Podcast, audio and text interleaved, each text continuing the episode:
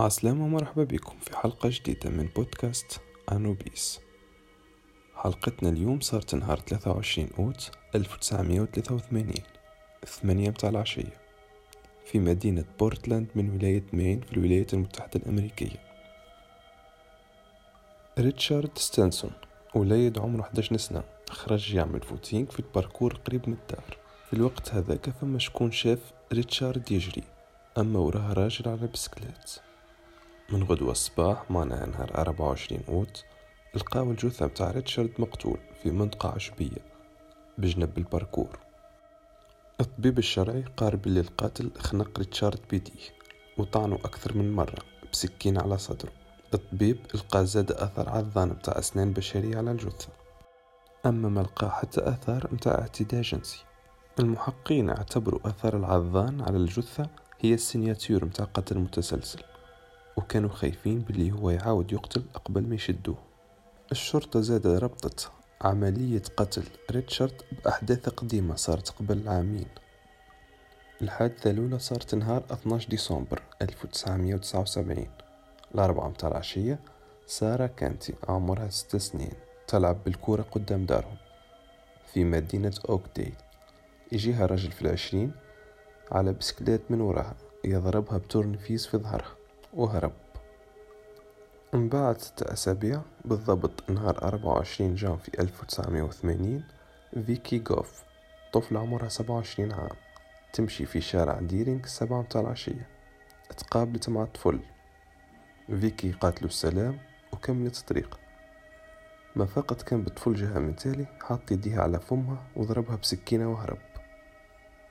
فيكي عملت عملية على الكلية متاعها ومنعت من الموت. بعد شهرين في 24 مارس من نفس العام مايكل ويثم وليد عمره تسعة سنين. وقفوا طفل قدام دارهم يسأل فيه على اسمه وعمره وين يسكن. في لحظة مايكل يتلفت باش يمشي. يشد الرجل من تالي بسكينة يجرحه على رقبته.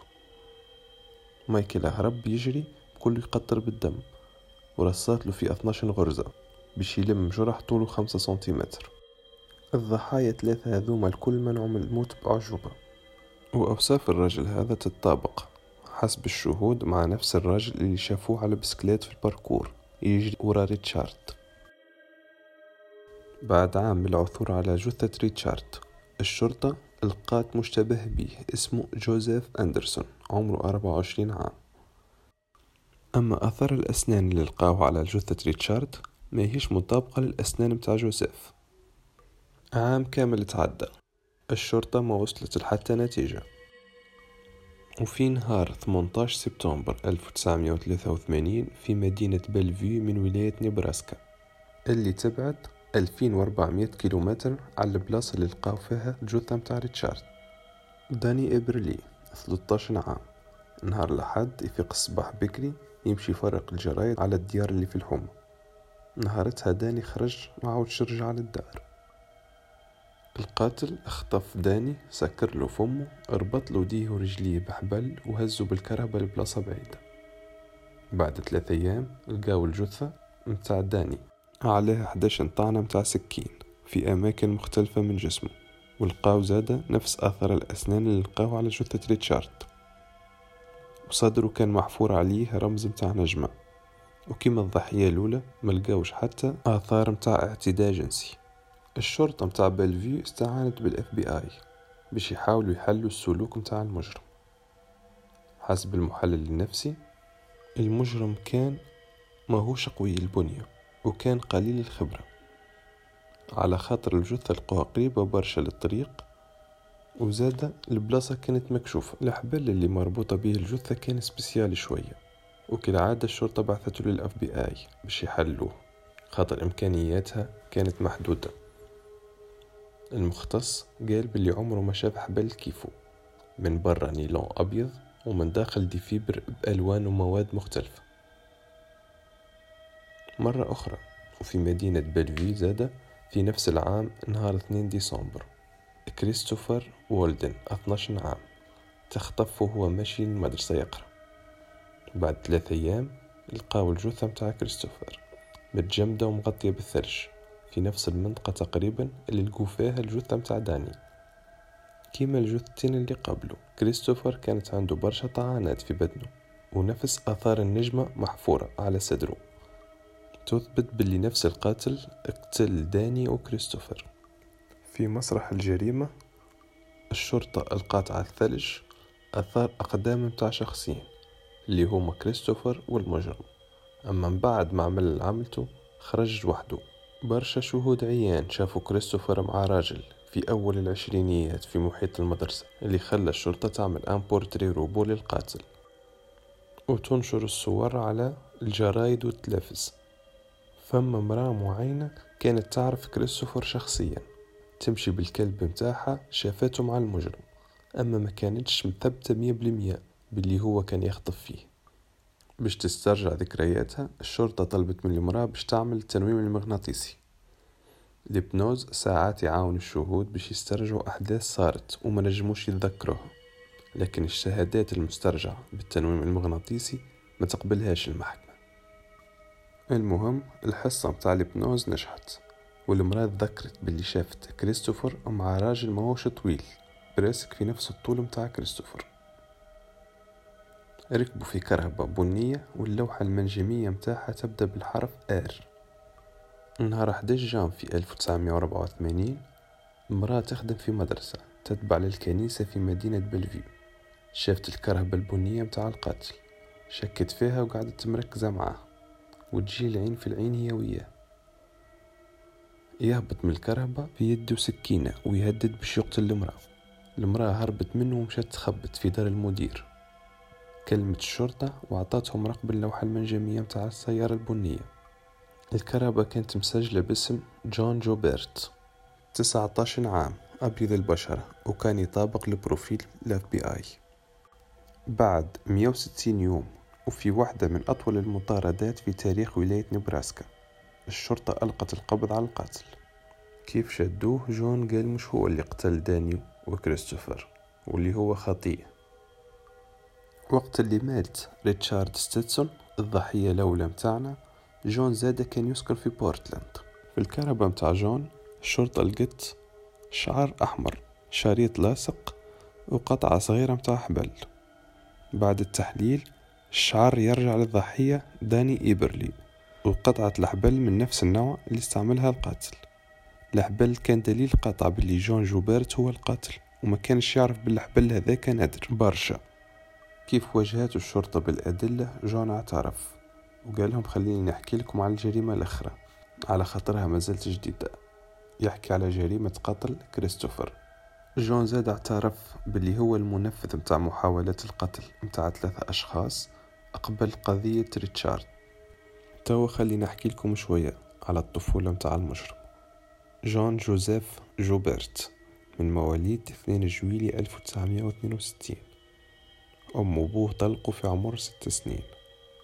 وقعد يعيش مع أمه في مدينة لورانس من ولاية ماساتشوستس. أمه ما خلتوش يزور بوه وبعدته عليه. هذاك علاش تولد عنده كره تجاهها. وكان كيف يقعد مع البيبي سيتر متاعه يتخيل ويصور في راسه كيفاش يقتل فيها. الخواطر هذه تطورت في عمر 12 11 عام. وولات خنق وتعذيب للأولاد والبنات الصغار اللي يشوفهم في الشارع. وبشوي بشوي ولا يعمل فيها هجمات عشوائية على البنات والولاد الصغار. يطعنهم ويجرحهم بآلات حادة ومن بعد يهرب. وتوج هذا الكل بالقتل. وأول جريمة كان الضحية متاعها الطفل ريتشارد.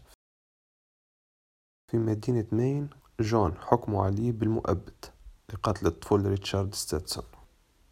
وفي نبراسكا حكموا عليه بالإعدام على الكرسي الكهربائي في جريمة قتل داني وكريستوفر وقت اللي جون في رواق الموت يستنى نهار باش يطبقوا الإعدام رئيس الشرطة سأله قالوا لو كان يسيبوك اليوم وتخرج من الحبس زعما تعاود تقتل الأولاد الصغار ولا لا؟ جون خذا وقته وقعد يخمم.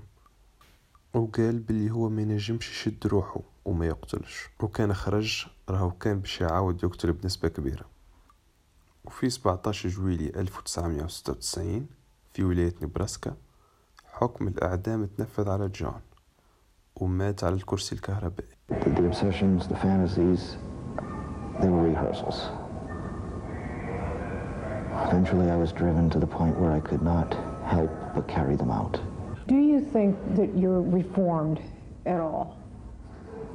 I believe that I would never kill anyone again, if that's what you mean by reformed. Yes, I, I know that I could never harm anyone.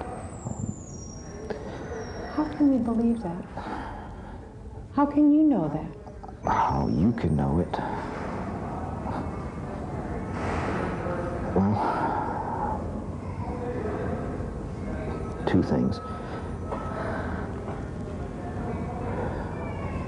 One, you never can know because obviously you're not gonna, I'm never going to be trusted again. And second, I'm never going to be released, so it's never going to be put to the test. You know what Judy Everly says? What does she say? Judy Everly says, as long as you're alive, there's always that chance that you could be released. Judy Everly does not know, and the public does not yet know, that I have voluntarily dismissed all of my appeals in the main case. I will never ask for clemency in Nebraska again. This will all be in writing. All of the doors are being closed behind me. I'd like to leave them with the hope that they maybe understand me a little more. Um, maybe their grief has in some way lessened. And their their fear lessened. And that they're able to forgive me. Do you need that forgiveness? From them, yes. I do. حلقتنا لليوم وفات كالعادة الحلقة تلقوها على سبوتيفاي جوجل بودكاست وآبل بودكاست ما تنسوش بارتاجيو الحلقة مع أصحابكم وتابعونا على الانستغرام Anubis Podcast خلولنا آراءكم ومساجاتكم وتوا نقولكم نتلقاو في حلقة جديدة كالعادة كل نهار ثلاث في الأمان و bye bye